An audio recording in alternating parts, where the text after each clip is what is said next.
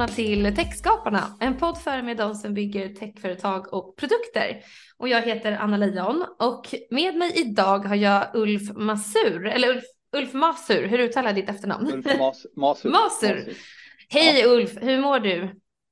Jag mår bra, jättebra, det ska bli trevligt det här.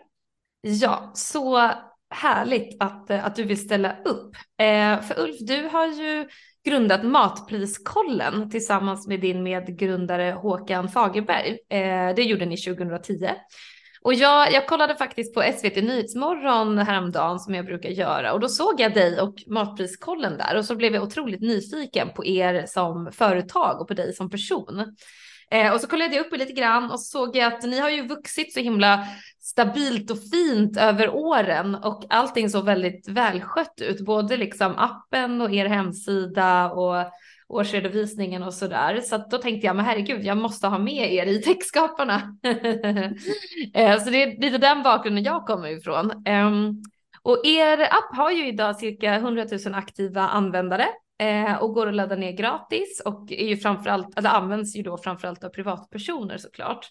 Eh, och ni skapar mycket värdefulla funktioner som liksom content för privatpersonerna, liksom inköpslista, recept, man samlar erbjudanden på ett och samma ställe och jag spannade även in den här säsongskalendern för frukt bland annat och det, det är ju otroligt aktuellt i dagens läge kan man ju säga. Mm. Eh, och sen förstår jag det som att ni tjänar pengar på samarbeten med matbutikerna som ni ju erbjuder via appen och där handlar det framför allt om att exponera extrapriser och erbjudanden helt enkelt, kanske till eh, liksom, privatpersonens favoritbutiker som den ju kan markera i appen. Eh, och ni verkar också skapa en del rapporter och analyser också där eh, som ni kanske tjänar pengar på. Jag vet inte, vi får, vi får djupdyka i det här. Eh, men, men är det här liksom en bra sammanfattning lite grann vad, vad ni gör eller vill du lägga till någonting? Ja, det är väl klart det där. Ja, jag tror han ska fördjupa sig lite för att det låter, det låter lite för enkelt för vad det är i verkligheten. Ja, såklart. Ja, vi har både fler användare nu och eh, men det har vi inte alltid haft och sen så ah. sättet att få in pengar och samarbeten och sånt där. Det har inte heller varit en spikrak resa. Det kan man verkligen inte säga. Så, men grund, grunden är exakt densamma nu som för ja, 12 år sedan när jag startade det. Exakt mm. samma sak. Alltså att det, det vi gör är ju eh, egentligen att faktiskt ta alla de här pappersreklamen all, som, som finns där ute. Det trycktes en miljard, 2010 i alla fall en miljard sådana som trycktes upp och i princip alla bara kastar dem. Och de flesta satte upp nej tack-lapp. Mm. Det var så det började, att jag fick ett telefonsamtal ifrån Håkan som var en tidigare Falcon-vd, bryggeriföretag som jag jobbade på. Och så sa han, jag har ett problem. Jaha, vad är det då? Så, jag skulle sätta nej tack på brevlådan igår. Alltså jag hade varit och köpt en sån där klisterdekal eh, och sen så sa jag det till min fru att nu är jag så trött på den här reklamen så nu sätter vi nej tack på lådan. Och då skrek hon och sa nej, nej, nej, så, det får du inte göra. Nej, varför inte det? nej, men tänk, det kan ju vara något vi missar. Och, och han var otroligt logisk och eh, klar i tänkandet, men samtidigt då så reagerade hon ganska emotionellt. Och då så, så ringde han till mig och sa han att Ulf, vi måste digitalisera dagligvaruhandeln. Mm. Och det var så det startade. Hur ska man kunna ha nej tack på brevlådan och ändå få del av alla de här erbjudandena? För de är i snitt, i och med att jag har jobbat i branschen så länge, de är i snitt 20-25 procent bättre än ordinarie pris. Så mm. varför inte utgå ifrån dem när man ska handla? Mm. Och, det var, och det är fortfarande precis, vi sitter och gör samma sak varenda, vi har aldrig legat ner en enda dag sedan 2010. Så vi levererar mm. här varje 10 miljoner erbjudanden per år sitter vi och matar in. Så det är liksom, ja, vi kan ta det, men det, i grunden är det helt galet. Men det var just för att lösa det här problemet. Så det är precis detsamma. Sen har vi utvecklat en massa saker runt omkring. Mm. Jag är sån. Exakt. Gud, det måste vi ja. gå in på alltihopa. Det här är så spännande. Men då, jag läste på er hemsida och där stod det liksom att, eller jag har för mig att jag läste någonstans att det var flest kvinnor som laddade ner appen. Och det skulle i så fall stämma överens med din medgrundare där, att det kanske är liksom om man hårdrar det. Eh, de kanske tycker att det är kul eh, att kolla på de här extrapriserna och kanske liksom eh, håller ordning på inköpslistorna och går och handlar kanske till och med också. Men att den andra, en partner i förhållandet kanske inte vill ha de här extrapriserna medan den andra vill det liksom. Så då löser ni ju verkligen det problemet. Det är superintressant, så himla smart. Ja, 70-80 procent av alla inköp görs av kvinnor. Mm. Så det är det som är grunden. Alltså kvinnan tar fortfarande, kanske 70 procent, men tar fortfarande större ansvar för matinköpen och matplaneringen. Mm. Så där har vi intresset, jag tror det. Och mm. vad som helst också, moderna mammor är det till stor del som är våra användare. Man är van att ha mobilen i ena handen, barnvagn i den andra och sen så mm. har man väldigt, helt plötsligt har man väldigt stora eh, utlägg för ja, barnmat och blöjor och, och, och, allt vad som behövs när de mm. växer sen. Om det här är superintressant. Okej, okay, gud vad bra. Vi kommer gå in eh, på det i mer detalj sen, men tack för den här, eh, vad ska man säga, grunden som vi nu kan stå på och utgå ifrån. Lyssnarna har fått lite information om, om vad ni gör idag och, och så där. Men vi, vi måste ju höra lite kring din story liksom. Jag är också jättenyfiken på dig. Eh, jag spanade in dig lite på LinkedIn, du verkar ha gått på Handels och sådär liksom. Men kan vi liksom rulla tillbaka tiden och eh, kan du berätta för mig om hur din resa har sett ut? Liksom, framförallt inom kanske entreprenörskap och hur du kommer sig att du hamnade där du är idag. Oj, ja, jag började leka butik när jag var liten och fick man sådana här små grejer så kunde man ställa upp dem ute vid gatkanten och så sälja, försöka sälja lite saker till till de som passerar förbi. Men när jag var 12 då startade jag första firman och monterade diabilder. 12? Ja, 12 år var jag då. Oj, jäklar. Ulf Johansson Foto hette den då, hette Johansson på den tiden och eh, monterade diabilder, sånt som finns innan de digitala, men det är en sådana man projicerade på väggen. Min pappa var fotograf så Just jag fick 100 procent provision. Men jag var vart jäkligt snabb på det. Jag var nog snabbast i Sverige eller bland de snabbaste i världen tror jag. Det gällde att putsa de här glasen så att inte dammkornen syntes. Så det höll jag på med under ett antal år. Men samtidigt så, ja, i gymnasiet, vi sålde hänglås. När man kom börja gymnasiet så ser man helt plötsligt att alla då, det var i Bromma gymnasium, 300-400 elever fick helt plötsligt åka och köpa hänglås, för det fanns inte lås i skåpen. Så nästa år när vi då kom, ja, men då så satte vi oss och så åkte vi in och köpte hänglås och så sätter man sig där i foajén och säljer sådana. Att det finns ju ett behov helt plötsligt av vi vet att det kommer ett behov, att alla som börjar de ska få ett skåp men de har inget hänglås. Men Gud, så gjorde, vi gjorde mycket sådana olika saker. Och sen så, men inom IT, jo, i och med min pappa, han var ju fotograf, men han var brandkapten också. Sen så, eh, så han kunde, eller höll på väldigt mycket med stora bränder och skador och sånt. Han visste liksom faran på kontor när det börjar brinna och röken som framförallt kan förstöra allt som har med datorer och så att göra. Och sen så min bästa kompis då, han hade jobbat på ett av de här första it-bolagen eh, på somrarna samtidigt som han pluggade på universitetet då. Så då så kom vi på det här plötsligt att brandsäkra kassaskåp där man kunde förvara sina disketter i.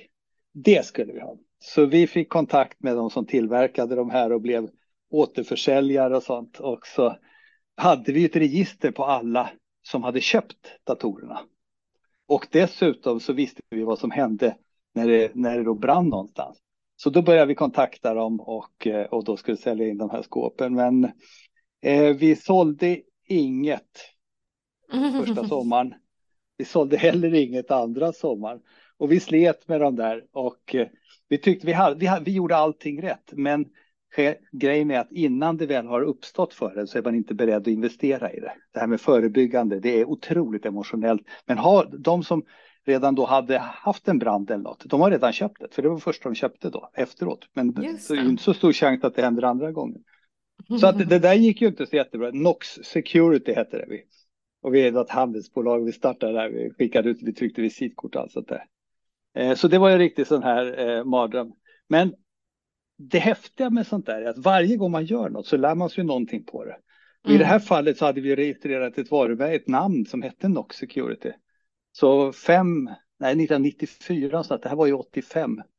Åtta, nio år senare, tio år senare, då fick vi en, bara en förfrågan om det och sen var det en lång förhandling och en massa sådana här saker. Det var någon som hade registrerat eller startat ett bolag, men fick det blockerat på grund av att vi hade ju vårat. Och så då sålde vi namnrättigheten för 25 000 spänn. Eh, och kan man säga det var inte mycket, nej, det, i alla fall, det var rätt mycket pengar man jämför med idag. Och sen samtidigt, vi gjorde ju inte något mer. Men det hade krävt extremt många kassaskåp för att få in de där 25 000 kronorna. Mm. Så det som helt plötsligt då var, ja, vi lyckades ingenting med det där. Så vi, vi gjorde mycket saker rätt där. Vi hade missat bara vad som är drivkraften hos folk när, med den här rädslan. Och, eh, och sen fick vi ändå gå ihop. Så hade vi inte gjort det så så hade vi aldrig, aldrig kunnat sälja namnet. Just. Vi, fick, vi fick mycket trevligt eh, av de där pengarna sen, hade vi rätt roligt för. Så, och sen så har jag hållit på med, men sen började jag efterhand så började jag på, på Unilever som de heter, som har ett traineeprogram. Och där fick jag börja med eh, hålla på med Falcon öl och rädda pilgrimsfalkar och sådana saker drog jag igång. Så därför den är symbolen för, för Falcon och då fanns det bara mellan fem och tio par kvar i hela Sverige och en gång det hette ju Falkenberg för att det var så mycket pilgrimsfalk där. Och mm. ölen har ju det som symbol. Så den höll ju på att dö ut. Så det var väl rent entreprenörskapsmässigt så är jag ju lite så, nej, men då, då måste vi ju rädda den och hjälpa Naturskyddsföreningen. Så, så då gick vi in som huvudsponsorer i projektet Rädda Pilgrimsfalken. Sen höll vi på med det där så länge jag var med. Och okay. eh, ja, det är ingen som äter pilgrimsfalken nämligen. Den är högst upp på näringskedjan, men den får i sig alla gifter och allt sånt. Så, ah, det. så det där kan man, bör man läsa på om, för det, det är världens snabbaste djur. Är det sant? Så den, ja, så den fångar alla fåglar i luften och slår ner på bytet så där. Så att, ja, det är en oh. häftig, häftig fågel är det och eh, lärde mig väldigt mycket på det.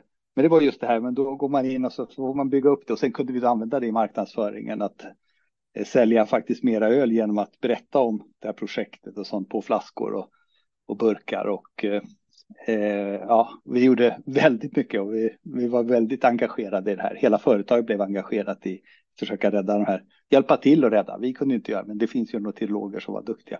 Och nu anses mm. den räddad faktiskt. Det tog 25 år. Jäklar, gud vad coolt. Och det, du verkar ju vara väldigt duktig på att eh, liksom, vad ska man säga, rädda världen samtidigt som du är entreprenöriell.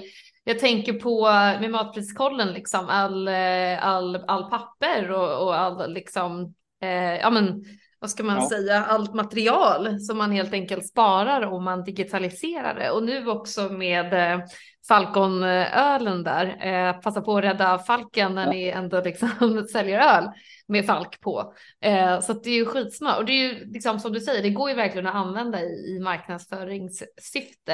Eh, ja, gud vad fint, vilken mm. fin story. Jag håller på, jag har alltid varit intresserad av sånt där, så att, men samtidigt då kan man säga att jag har velat ha eget, men har alltid haft kul på jobben. Så det har inte, och då är det någon annan som i och för sig när det går bra då får ta del av det rent kanske ekonomiskt. Men samtidigt så har man ju möjligheten om man får vara på ställen där man får chans att prova grejer. Så har man ju möjligheten då att få göra alla tabbar och misstag som eh, utan att det egentligen då kostar dig själv så mycket. Sen har jag skrivit en liten bok som heter just tabbekvoten. Eh, som ja, handlar om det här. Ja, och, det, och så jag fick ju det första dagen på Falcon, en ryggsäck fylld med tabbar. Och sen dess har jag, eh, som fylls på automatiskt, och sen dess har jag alltså vågat prova, vågat göra grejer. Så även om det varit man var anställd eller inte så, nej, man måste, man måste, det är den som gör mest saker som ändå kommer att vinna. Det har min tes av det. För varje litet steg man kliver upp så ser man någonting nytt. Ibland behövs det liksom bara en halv meter meter så ser man ju helt plötsligt jättemycket längre. Och det, så funkar livet. Men den som bara står stilla där och gnäller eller tycker att ja, det händer ingenting. Nej, det gör det inte, inte på den nivån. Du måste ta ett steg åt sidan eller lite uppåt. Så ser du någonting nytt. Mm. Och, och, då gäller det att få i sig det. Och det, det gäller mer nu än någonsin när det blir tuffare tider med. Verkligen. Eh, gud, jag håller verkligen med. Det var spännande och inspirerande. Eh, Okej, okay. ja men coolt. Så du, eh, ja, men du eh, var helt enkelt väldigt entreprenöriell redan från eh, unga år där som eh, 12-åring startade din lilla verksamhet och sen också sälja lås och, och, allt möjligt. Och sen blev det Unilever och lite den liksom, klassiska karriärstegen kanske efter Handels. Ehm, var, var, det liksom marknad eller sälj eller, eller vad jobbade du med, med på, på Unilever och hur länge var du där? Nej, jag har haft, då, då, de ägde Falcon då, så jag var trainee där i två. Då är det mycket marknad och sälj. Man måste vara ute och sälja. Det är en sån här viktig del i det. Och eh, så man får förståelse för hur den processen går till. Och sen var jag på marknadssidan och sen gick jag tillbaka till säljsidan och så startade vi vår Key Account-organisation och eh, så hade jag kundansvar för ICA och Coop och en del andra. Och eh, mm. sen slutade jag när Unilever sålde Falcon och så gick jag till Kraft istället som då har Gevalia och Philadelphia ost och sådana saker.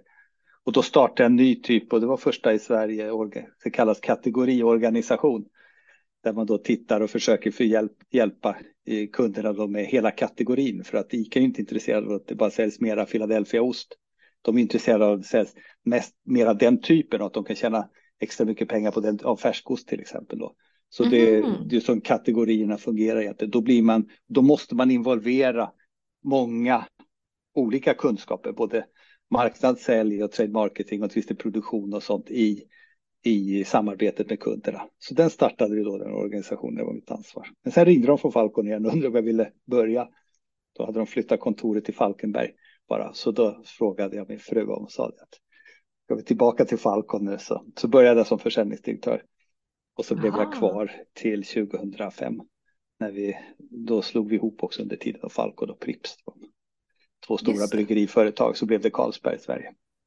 Ah. Carlsberg hade, hade nämligen köpt Falcon då under tiden när jag var på Gevalia. Så då, då var det lite mer ett bryggeri tänkt, var någon som kunde branschen.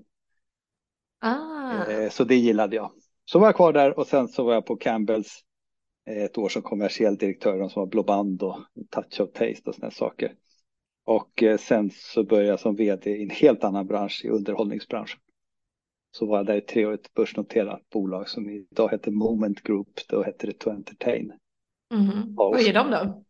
Ja, man sätter upp shower och musikaler och teatrar och har då driver olika arenor tillsammans med Vicky von der Lanke bland annat och Oscarsteatern, Kinateatern, ah. Wallmans och sen så är det alltså, underhållning på, på eh, eh, kanske på Color olika båtar och Falkenberg så är det Stefan och Kristers buskisunderhållning och Göte Lisebergs teater. Så är det massa, massa sånt där. Det är superroligt, men det måste ju sälja biljetter, så enkelt är det. Ställa upp allt det, men det står Magnus Uggla på scenen så det funkar ju inte om inte man kan sälja biljetter.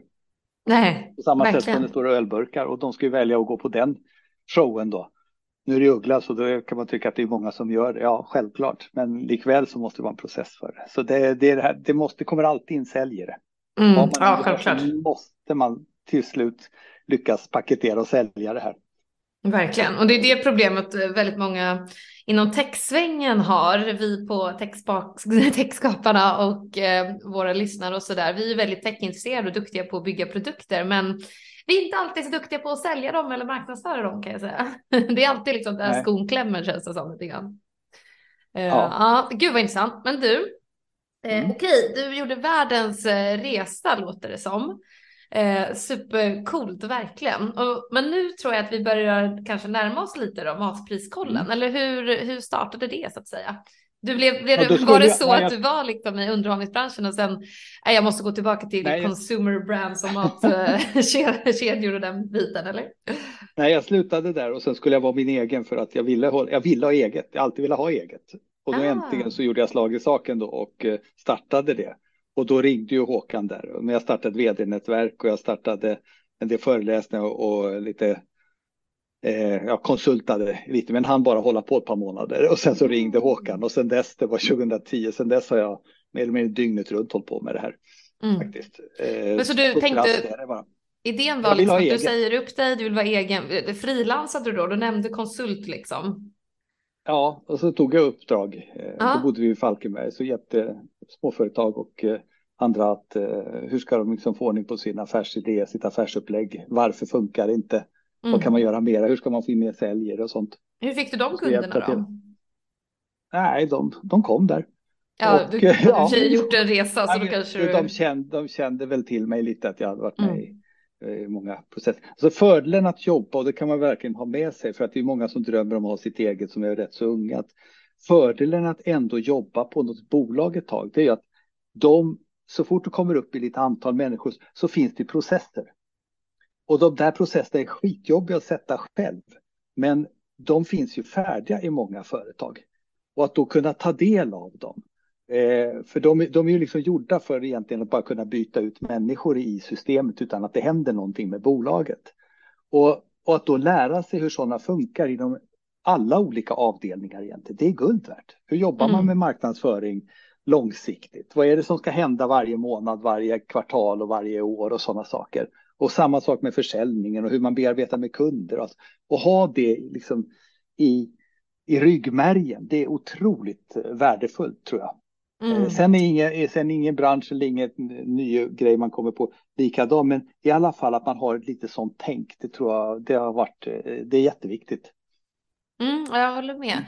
Alltså att man, man kan säga att de liksom standardiserar en process inom en viss eh, del av, av bolaget. Som, det går ju att kopiera de bra delarna liksom. och det som funkar kan man ju kopiera till, ett annat, till en annan verksamhet och ta med sig i ryggsäcken. Liksom. Ehm, det finns ju ingen Exakt. patent på, på, Nej. på processer. Nej, på processer. Nej, det gör ju inte det. Utan det mm. gäller bara att man sen kan få alla i organisationen att förstå dem. Och, mm. och, så det är, en, det, det är faktiskt en liten lärdom av det. Att man inte, bara för att man har idén och allting sånt där, så är det inte givet att, att det engagemanget och det är det som kommer att vara avgörande. För att det är en tuffare värld än man tror. Ja, men exakt. Jag pratar alltid om liksom kostnadseffektiv säljprocess och kostnadseffektiv marknadsföring. För det går ju liksom slänga hur mycket pengar som helst på det här i slutändan. Men den som vinner är ju egentligen den som, som får till den processen på ett kostnadseffektivt sätt. För du måste till syvende och sist, du måste sälja, du måste marknadsföra, du kommer inte undan från det. Och det är oftast där det står och, står och faller, i alla fall med techprodukter, enligt min erfarenhet i alla fall. Ja, och i början första där stegen är ju att det är väldigt enkelt. För då säljer du någonstans har du en idé, du lyckas få fram en tjänst eller så och sen så börjar du sälja den lite. Och de här första är ganska enkla faktiskt för att då går du till dina friends and family nästan med de handlarna som vi kände lite eller som jag kände och så börjar man gå dit och så hoppade de på. Nu är de ju kvar så Coop Varberg var den första kunden vi hade och han är fortfarande kvar. Och betalar varje månad och är ju efter 12 år bör man väl vara rätt nöjd om man med utfallet. Så ja, det, det, är inte så att de bara köpte för att vara snälla, men det gäller att få några på kroken för den här mm. FOMO-effekten, den är brutal egentligen. Alltså. Mm. Och, och, att, eh, och få de första att hoppa på och sen få de andra att vilja hoppa på för att andra har hoppat på. Mm. Det kan ju vara något bra man missar om man står utanför där. Då, det är att komma dit hem. Så det, och det är det tar tid och kan kosta hur mycket pengar som helst och de flesta, ja. och inklusive jag själv och vårt bolag, eh, höll på att gå under för att ja. man inte klarar det. Exakt, verkligen. Gud, det måste vi också djupa i lite grann. Men okej, vi är precis i startgroparna av matpriskollen här då. Eh, Håkan har ringt dig. Okej, vad händer sen? Vad gör ni då? Vad, hur startar ni upp det här? Liksom? Ja, det sa, sa jag det. Jag kan inte de här flygbladen riktigt nu, så jag måste vi måste göra en recap på det, för jag har varit borta från branschen ett par år nu.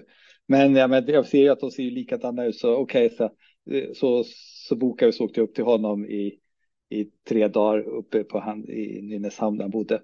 Och så tog jag med mig, jag gick ner i soprummet och började gräva fram alla alla såna här flygblad som fanns och, och leta i olika ställen, soptunnor och annat för att hitta från alla kedjorna. Och så åkte jag upp till honom och sen han hade gjort samma sak och så la vi ut dem här över ett jättebord och sen så eh, ja, så började vi prata om det och försökte se vad finns det för struktur i det. Hur skulle man liksom kunna, hur kan man strukturera upp det? För de här bladen är otroligt ostrukturerade, för deras enda syfte är att dra in dig i butiken. När du väl är där ska du ju lockas av annat, helst mm. fullprisvaror så de tjänar pengarna på dem. Ja, så är, och, och de här är ju, det ska man samtidigt ha respekt för att det är ju bland världens bäst. De, det är utarbetat 50-60 år liksom, av företag som omsätter hundratals miljarder. Det är inte det är inga dåliga blad, utan de är verkligen eh, sofistikerat upplagda. Så att eh, det gällde ju att knäcka den här koden och se okej, okay, hur gör de nu? Hur många matfettserbjudanden är det? Vilka prisnivåer är det? Hur ofta har de olika varumärken och sånt där? Så då, då gjorde vi så och så sa vi att eh, okej, okay, för han skulle gå i pension då på det hade gått så att då sa jag, jag får väl börja nu då, får vi se här om jag kan köra igång lite vid sidan om. Och då så gjorde jag det och så tog jag jag mig och så får man ju börja dra i kontakter. Vänta nu, då måste man ju, hur ska man visa upp det här? Det var ju tanken, det ska ju visas upp på webben. Då fanns ja, exakt, ni började med webben liksom. Ja, så då mm. var det en webbsida där man då skulle kunna gå in och så egentligen välja sin butik. Jag brukar handla på den här Icke Supermarket och så på, på eh, Citygross säger vi. Ja, då är det de butikerna som måste finnas med och då måste man kunna se deras erbjudanden.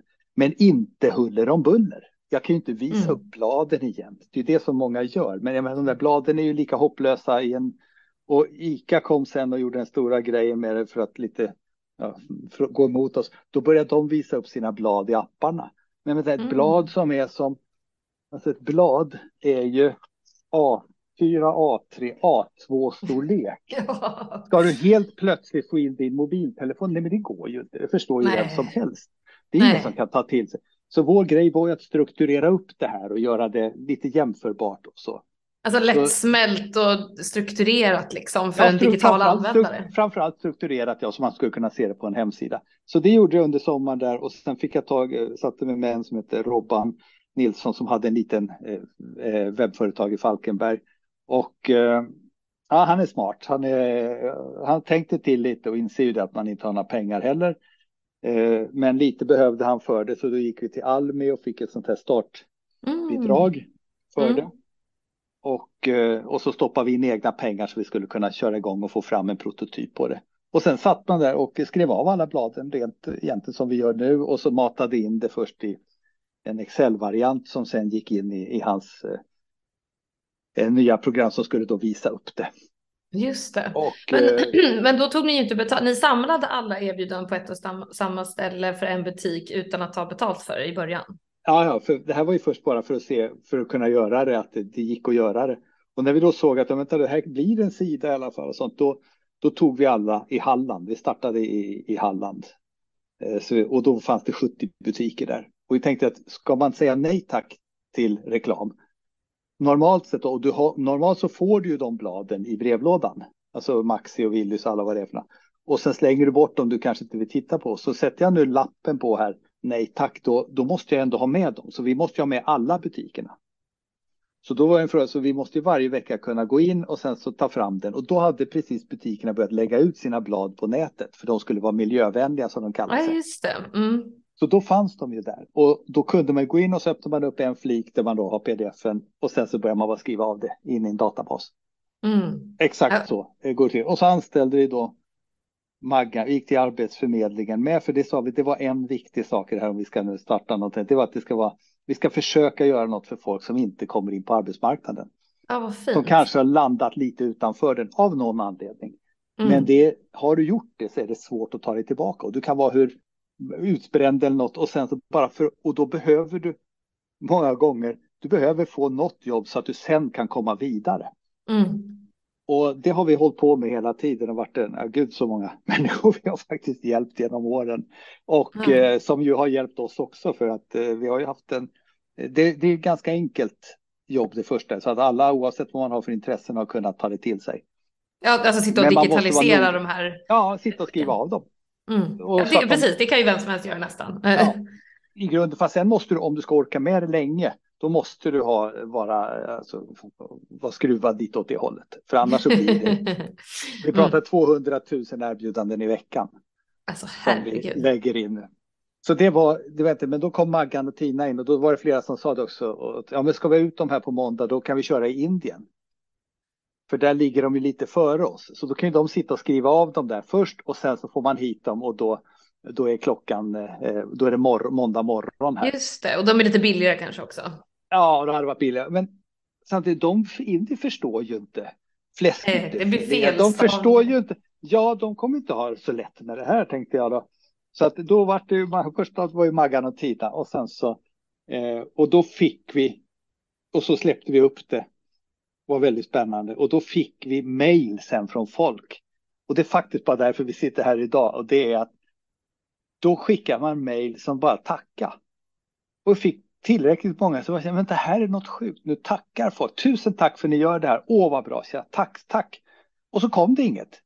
Och alltid innan, säg under alla år i branschen. Åh gud vad god öl det här. Ja, men finns det, varför finns det inte på 50 centiliters? Och jag kan inte ta fram en smak. Ja, vad gott det var med hallon, men jag skulle vilja ha jordgubb också. Det finns alltid någon sån här sak. Det kommer ett men. Och här, Just det. här tackar folk. Här tackar folk bara. De var bara nöjda. Tusen tack för det. De var bara nöjda. Mm. Och då har man helt plötsligt, då har man ju hittat någonting som berör dem. Som Ja. gör att de, det här är ett behov de hade och vi har löst Mm. det åt dem och de bara tackar. Mm. Det, vi har löst det tillräckligt enkelt. Och då, och då så sa jag det, fasen alltså det här. Och vi fick då med några stycken handlare där som också tyckte det var spännande. Eh, och då, då gällde det bara sen att få så många användare som möjligt. Och, eh, och sen så kunna täcka in då resten av Sverige. Så då anställde jag Ann, en gammal eh, arbetskollega från, från Falcon och Carlsberg-tiden. Eh, och sen så sa vi det att ja, nu ska vi rikslansera. Så då gick vi från 70 till 3200 butiker på tre månader. Och det, Men, ähm, jäk... det var rätt mastigt den grejen. Alltså jag kan verkligen tänka mig. Eh, men om ni hade använt, alltså outsourcat det till Indien så att säga, då hade ni liksom tagit bilder på um, flygbladen, mejlat eller ja, skickat över det till dem. De hade suttit och försökt skriva in texten eh, i Excel-filen typ och ni hade försökt visa det på ja. hemsidan något sånt liksom. Ja, hade gått på, ja. på precis samma sätt som, som vi gör egentligen. Bara mm. det att den som skriver in det förstår inte så mycket ja. eh, vad, den, vad den skriver. Så att har man varit med i den här branschen så vet man att samma produkt kan benämnas på väldigt många olika sätt. Mm. Beroende på vilken, vilken kedja det är eller vem det är som har skött reklambladet, skriver in det och så vidare. Och ibland supergoda apelsiner. Nej, men supergoda, det är inte intressant här nu. Alla tycker att apelsiner är gott då. Så det här är bara att det är apelsiner i nät eller tomater och sen gäller det att allting står på ett sådant sätt så att vi skriver alltid tomat först. Just komma. Mm eh, bindestreck kvist. Eller tomat, komma och sen så kommer det då en... en Ekologisk. En, eko, ja, ja, det kommer som en, en taggning. Men det kan vara kvisttomater eller så kan det mm. vara cocktailtomater eller plommontomater. Gula, röda, gröna. Ja, men det bygger på då att då kommer ju alla tomaterna efter varandra. Exakt. Och annars om du går in i den här listan så får du helt plötsligt på C kommer cocktailtomater och så kommer nere P kommer plommontomater. Men för mig som mm som användare så, så ska jag ha tomater till salladen och det funkar lika bra med båda. Exakt, man måste tänka ur ett konsumentperspektiv. Det var ju det lite kategoriorganisationen som du byggde upp där sedan innan. Ja. Att tänka utifrån kategorier, eh, alltså egentligen komplement eller ersättningsvaror liksom och samla dem ja. under samma. Gud vad ja. intressant.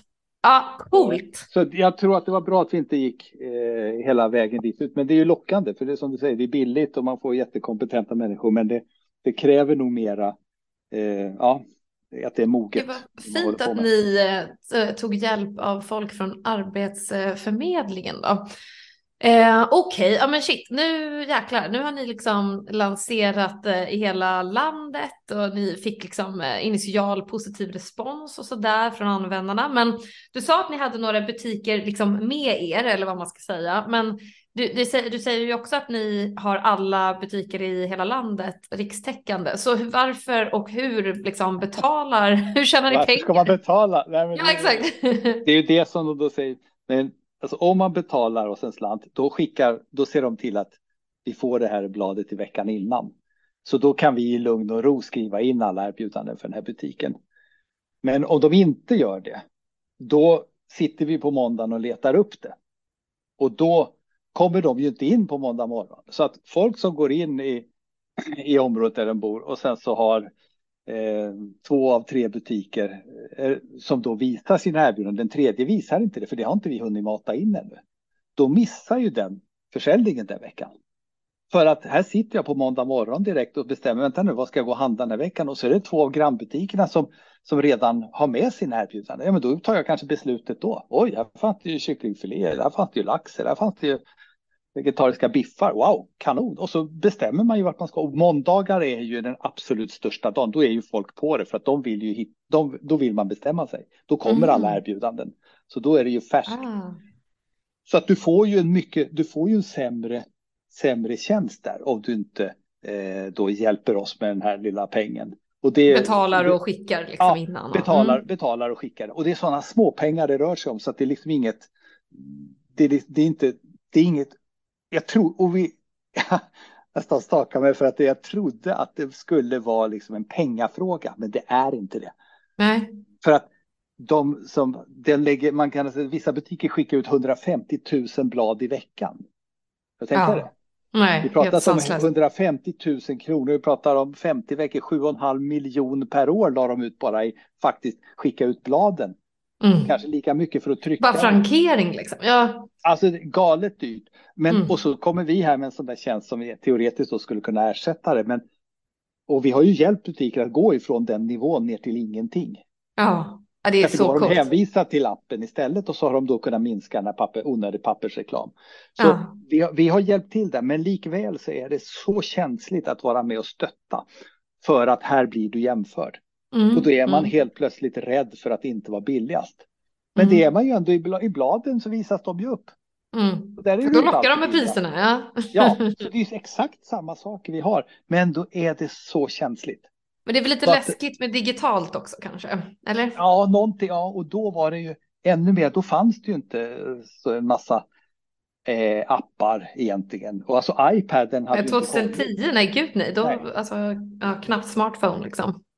Nej, precis. 2008, 2009 där kom ju eh, iPhonen. Och sen så, men jag trodde ju att alla hade, för att 2007 var vi i USA. Och då så minns jag då köpte vi iPod som var ju iPhone, den Ah, just såg ju likadan ut som en iPhone, men det var ju en iPod. Ja, Det var ju Med MP3-spelaren. touchscreen och allting, ja det var ju helt brutalt läcker. Just det. Eh, och den var en helt ny dimension. Och då sa jag, vänta det här är verkligen något nytt. Och sen kom då iPhonen. Och eh, jag är ju bara användare, jag är ju inte intresserad av tekniken bakom egentligen. Jag vill ju bara att det ska funka och vara coolt Mm. och fräscht snyggt.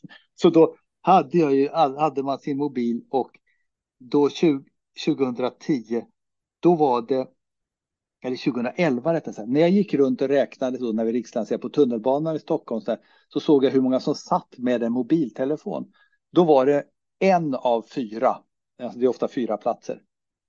Och sen så går man det två år senare så är det två av fyra, sen tre av fyra och så idag Ja. är det ju fyra av fyra och det kom ju Mm. för säkert en fyra år sedan någonstans så var man på den nivån.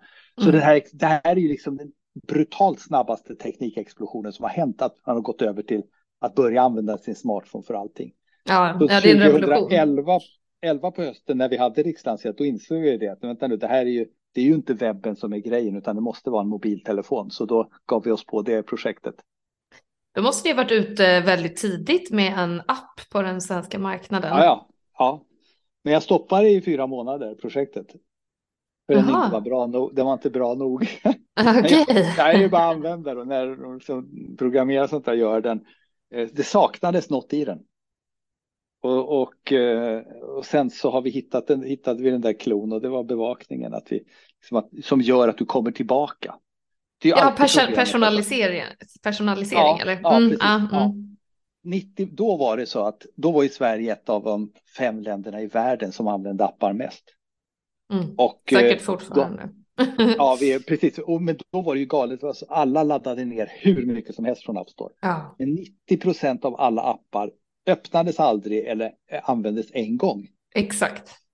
Och då gäller det, vänta nu, om man nu i alla fall har fått dem att ladda ner den, öppna upp den en gång, hur ska du få dem att komma tillbaka?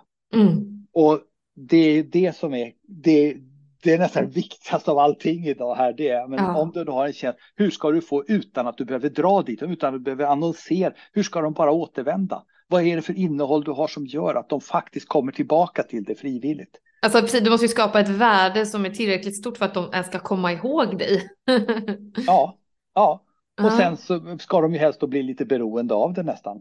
Ja, ja det precis, var ju tyvärr. det här att du Och det, vad sa du, ut- det var tracking, eller vad kallade du det för? Nej, bevakning. Bevakning, ja, de får Ja. bevaka varor liksom. Mm. Så precis, du har redan valt ut dina favoritbutiker och i där så lägger du upp, ja, det är de här grejerna. Säg till mig när det kommer apelsiner eller svensk skogsfilé eller blöjor från Just Libro det, eller vad det nu blöjor kan är vara. säkert en grej. Ja. Ja, ja, det är en av de mest bevakade. Då plingar den till när det kommer i dina favoriter. Ah, du får en pushnotis då. Ja, så då Men är gud, helt plötsligt det- så är ju, då slipper jag ju sitta och bevaka själv. Jag slipper gärna, jag får bara precis det jag är ute efter så får jag det en gång i veckan eller så. När det, när det händer, det kollas ju flera gånger om dagen. Liksom, inga störande liksom, pushnotiser utan de som faktiskt jag själv har valt. Men det där är så intressant. Det är lite som med, jag såg den där Spotify liksom, tv-serien häromdagen och då var det liksom nyckeln för dem var ju när de kom på att de skulle ha playlists. Och det är Mm. nästan samma sak med er. Alltså det här är som en playlist med, med de varorna man ju är intresserad av.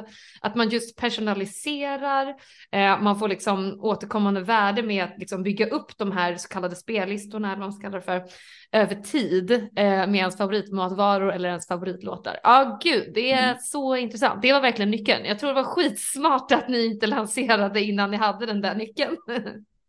Ja, jag tror det också, för så när vi väl släppte upp det så då blev den ju liksom eh, App of the day och en massa sådana här grejer. Alltså, då hade, jag ja. tror vi fick 50 000 nedladdningar på en, strax över en månad. Så det var bara pang sa det. Och så kom vi upp på alla topplistor och allting högst upp. Och då, är lite, då var det ännu mycket, mycket mer självgenererande än vad det var är nu.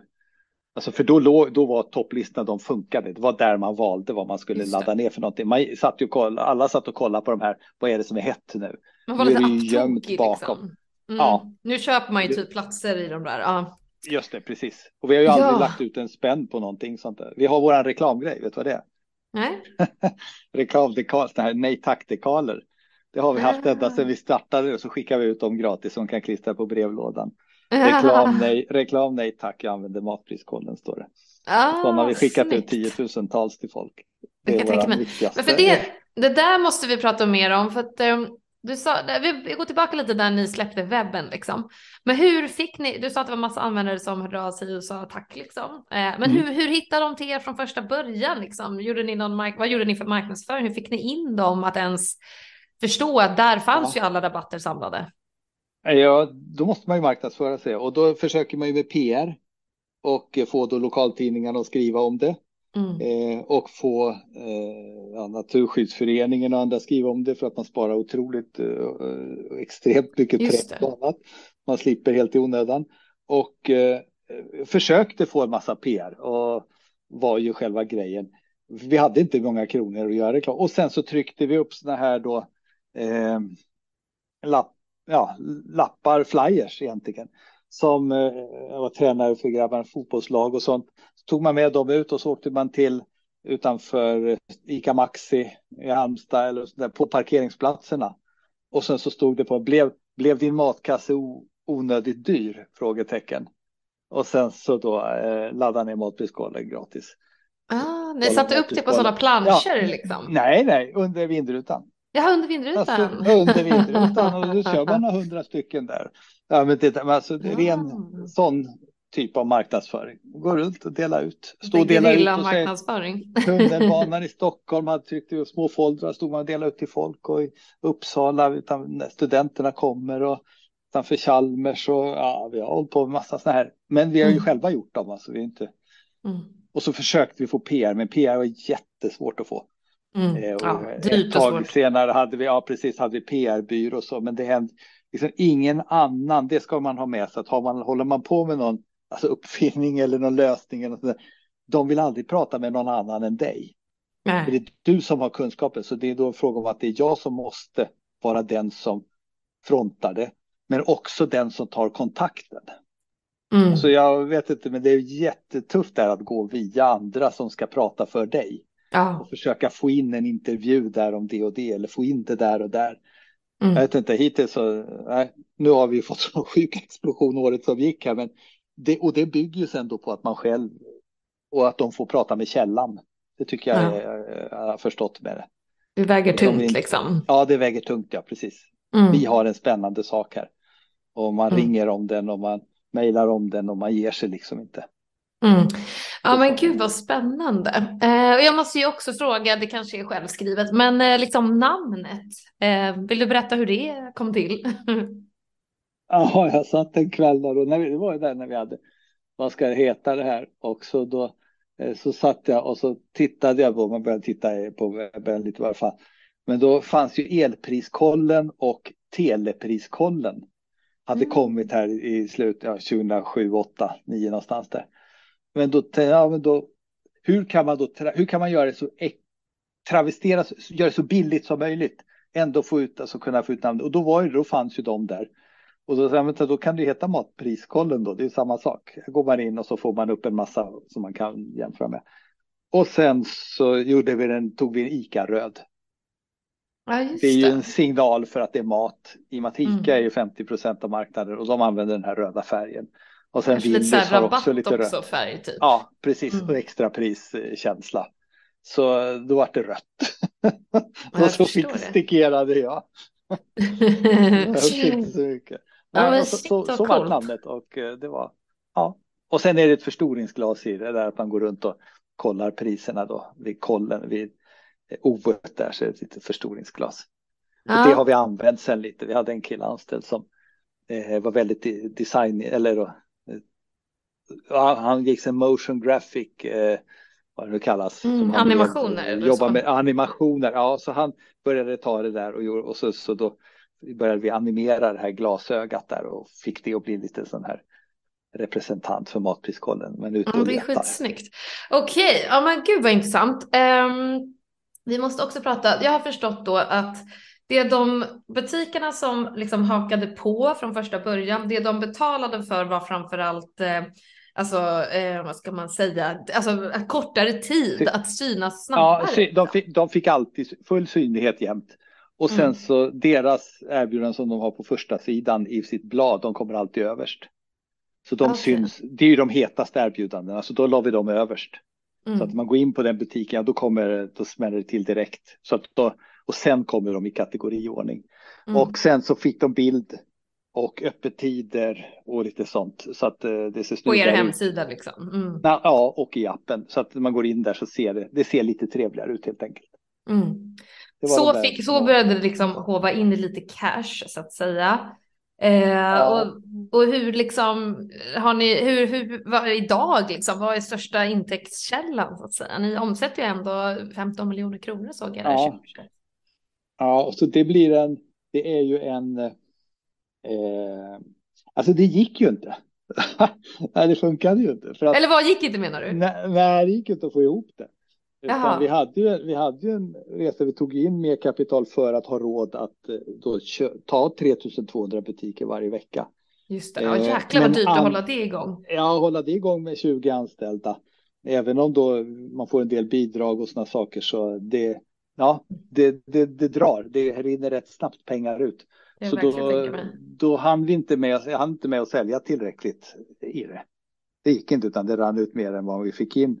Och vi fick med en del såna här små, lokala grupper och sånt som var med och testade och så. Och jag var ändå på och jag kände ju mycket folk i världen som bearbetade så in i vassen. ja, hur mycket man. Men de gillar det ju inte. Det, det, är ju så enkelt, men det tog tre år innan jag förstod det. Men de, det, alltså det här att bli jämförd. Mm. Det är bra för konsumenten, men det innebär ah. ju inte per definition att det är bra för dem i branschen. Mm. Konkurrens är ju, det, det driver ju ner priset. Exakt, exakt. det blir priskrig liksom. Ja, på något sätt. Eller så upplever de det i alla fall, att det här är någonting som sänker priset. Och då börjar ju kedjorna istället komma med sina egna appar. Mm. Då de fram, ja, men ja, vi har vår egen app, vi har vår egen app. Så vi fick inte in så mycket pengar den vägen. Eh, vi fick med några kedjor och sånt som betalade en, en peng, men det är så pass små pengar så att, mm. eh, och så fick de börja annonsera lite i den. Eh, och så fick de, så, så vi fick inte ihop det där. Så vi var ju i rekonstruktion istället då. Ja, det tog hela vägen dit och vi höll på. Ja, ja vi skulle gått i konkurs ett tag och sen så, men det klarade vi och sen vart det fick man ingen lön till jul och han fick ingen mm. lön och så vidare. Så har man hållit på med det där ett tag, då blir man väldigt, då får man en extrem respekt för pengar. Mm, gud ja, man blir luttrad. Ja, Alltså varje krona är livsviktig och vi har mm. inte när firman lagt ut en spänn i onödan på saker och ting. Vi har verkligen hållit i pengarna från första stund och det måste man göra. Man kan inte anställa vem som helst utan det, det finns liksom gränser på det. Och eh, det låter det, sunt. Det var, ja, det är sunt och nu tror jag att det här börjar gå upp för folk att det kanske inte bara går att leva på någonting som, som drar för mycket pengar löpande. Mm. Så, så då kom vi i rekonstruktion så då fick vi stoppa in ytterligare. Då hade vi inte många kronor kvar att stoppa in själva, utan eh, då fick vi sen med Schibsted i det faktiskt. Stora mediakoncernen, då gick de ah, Ja, de som då, producerar tidningar och allt möjligt. Ja, ja Aftonbladet och, eh, och det, det, är klart de är intresserade av det här. De blev storinvesterare ja. då alltså?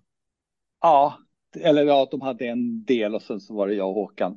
Och sen mm. så var det eh, vår, den första investeraren, en lokal investerare som också då tog sin andel i det och sen så skapa ett nytt bolag och eh, körde på för fullt för då skulle allt folket komma. Och det, det mm. gäller ju att få marknadsföringen som du säger där, att få den där. Eh, men det gick inte så bra det heller. folket kom inte. Nej, alltså folket, menar du, alltså kunderna kom inte? Användarna, då, ja, använd, ah, användarna kom inte. De skulle ju komma mm. samtidigt. De gäller att få användarna först, då kommer ju. Ja, har det varit tillräckligt mycket trafik förr eller senare, då kommer butikerna hoppa på. Mm, eller då tvingas exakt. de hoppa på. Och då mm. så, men det gick inte så fort som, som investerarna ville, så då hoppade de av. Mm. Och då stod jag där med ja, då eh, stod jag där ensam med det. Och sen så eh, var min då kollega Håkan där väldigt sjuk så han gick bort den hösten också 2013. Där. Så det var inget bra. Nej. Så det var han var med på hans resa om sjukdom och det, eh, ja, det var sjukt tufft kan jag säga. Oj, ja, det var sämre och sämre och sämre. Ja. Och så att, eh, men helt klar i huvudet och då är det, då är det extra jobbigt tror jag. Mm. Eh, så vi hade, vi hade otroligt mycket samarbete och så roligt under de där åren. Men sen då klarar inte han att vara kvar och sen så vill inga investerare vara kvar och får du sådana som investerar i det som går ut, går, kliver ur efter sex månader och bara säger ja, vi tar smällen. Då är man inte i ett jättebra läge att hitta nya pengar. Men Nej, jag lyckades Gud. få med eh, gammal skolkompis plus en till eh, på att satsa ytterligare lite pengar och sen dess har vi aldrig behövt några fler. Utan då, okay. då, då, då tog det fart. Eh, ja, inte, nej, det tog inte fart. det tog ytterligare nästan ett år innan det tog fart och då var pengarna slut i princip igen. Men då hade jag insett det och vi hade insett det att vi måste ta en av de här första grejerna som vi tänkte som en spin-off, det vill säga att paketera datan och sälja den. Ah, Okej, okay. ni säljer datan. I och med att jag var själv i branschen tidigare så undrade jag, men om jag nu sitter på ett företag som har produkterna som säljs via ICA, men vad är det för, hur skulle jag vilja ha koll på den här, alltså det, allt det som görs? Mm. Hur kan Coca-Cola veta allt Pepsi gör och hur Pepsi borde veta allt Coca-Cola gör? Mm. Citygross borde veta allt Pepsi gör på ICA och så vidare. Så det är samma data som, som mm. går runt där. Så, då så den datan som ni liksom, den data som ni lägger in manuellt då när ni digitaliserar ja. alla utskick, den säljer ni tillbaka liksom till butikerna kan ja, man säga. Precis. Mm. Nej, ja, inte butik utan till, till leverantörerna framför allt och till Aha. kedjorna. En viss del Leverantörerna, är det liksom Unilever? Ja, typ Coca, ja Unilever, Coca-Cola, Arla, Scan och alla sådana här. Mm. Och för det är de som sätter de priserna ja. För det är de, mm. Ja det, nej, det är de som betalar för att få vara med i bladen. Sen okay. är det ju kedjan som sätter priset. Ja, ah, just det, Så slutpriset att, mot kund. Ah. Ja, men de betalar ju stora pengar för att vara med och ha kampanjerna. Ah. Då Ica eller vilka kedjor det nu är. Så de är ju jättemåna om att veta hur det såg ut och, och allting sånt. Och Bland konkurrenterna liksom. Ja, Precis, och vem gör mm. mest kampanjer på den och så vidare. Så allt det här har ju blivit en mega, du sa son, äldsta sonen är, är ju it-kunnig rejält. Och mm. eh, han sa det bara till mig att det där kommer aldrig bli något, sa han. Det här var ju 2012 i början. Ska du veta, det här kommer aldrig bli något. Men det var en sak som är viktig, spara datan. Ah. Och då av någon anledning så gjorde vi det. Så när vi startade det här då 2014, då hade vi ju historiken med oss. Aha. Då kunde vi säga att så här har det sett ut de senaste tre åren. Och då är det intressant med data. Bara få en siffra är aldrig intressant. Du måste ha Nej, en relation. Ja. Så då, så då börjar det säljas. Och, och det är fortfarande samma sak som vi sätter ut i appen. Det är egentligen den fast då paketerad för en ny användargrupp. Så ja. har vi det. Så det är där vi får in framförallt pengarna. Och de, de flesta så, pengarna kommer därifrån liksom? Ja, ja, oh ja. Men då, hur approcherar ni eh, de här, eh, alla de som är sugna på den här datan? Liksom? Det är så här, B2B-försäljning är ju supersvårt tycker jag. Ja, det är jag som säljer allting. det är så skönt det Men jag har ju varit i branschen så att eh, det är ju bara, jag hade, då börjar vi titta på det. För att genomsnitts, genomsnittstiden för att få en order och då känner jag nästan folket. Jag har varit i branschen och vi får dem att hoppa på och de som hoppar på hoppar inte av låg ändå på tre, över tre år mm. innan du får hem en order i snitt. Och nu här med pandemin senaste åren så är det kanske ytterligare lite längre. Eh, men det, det ska man ha sån extrem respekt för att det tar tid. Därför de sitter med sin budget, de har andra system innan de har beslutat sig för att ja, men det här är nog någonting för oss. Det tar tid. Stora organisationer, de tar tid. Det är därför eh, mm. de, många av dem dör. För att det tar för lång tid. Alltså mm. stora organisationer blir för tröga, men så länge de lever så är de ju eh, liksom, de är organiserade på ett sätt som inte alltid är gjort för att fatta snabba beslut. De har Nej. sin budgetprocess. Det farligaste du kan göra är att gå utanför din budget. Så hur bra deal du än kommer med så får du ingen order. Nej. Och det kan man tycka att det här är för jävligt, men det är så det funkar. Så och order, ha... menar du order från ICA till Unilever då? Eller? Ja, eller som vi behövde ju få en order från Unilever säger vi, eller från Ica. Man, köp, köp, köp vår tjänst. Mm, mm. Ja, sorry. Mm. Så, så ge, ge, mig, ja, men ge mig nu en, en orderbekräftelse kan man säga, eller mm. ge mig ett avtal. Men innan man, det här är inte, det tar, det tar tid. Mm. Ja, nu fattar jag. Okay. Ska du ha en anekdot till det? Alltså, om du någon gång startar någonting så då, så då tog jag, jag har ju så mycket kompisar och då så, sa, så träffade jag en kille som startade butiksvagnsreklamen. Du vet när du kör runt de här butiksvagnarna. Mm. Han kom på det här att sätta en liten skylt längst fram där. Och slet med det i så många år. Och han gav bort det och han liksom betalade handlarna 10 000, hundratusentals kronor för att få ha den där platsen. Och ja. de ville ändå inte. Men du får, du gör, vi byter skyltar, vi gör, men de ville ändå inte. Nej.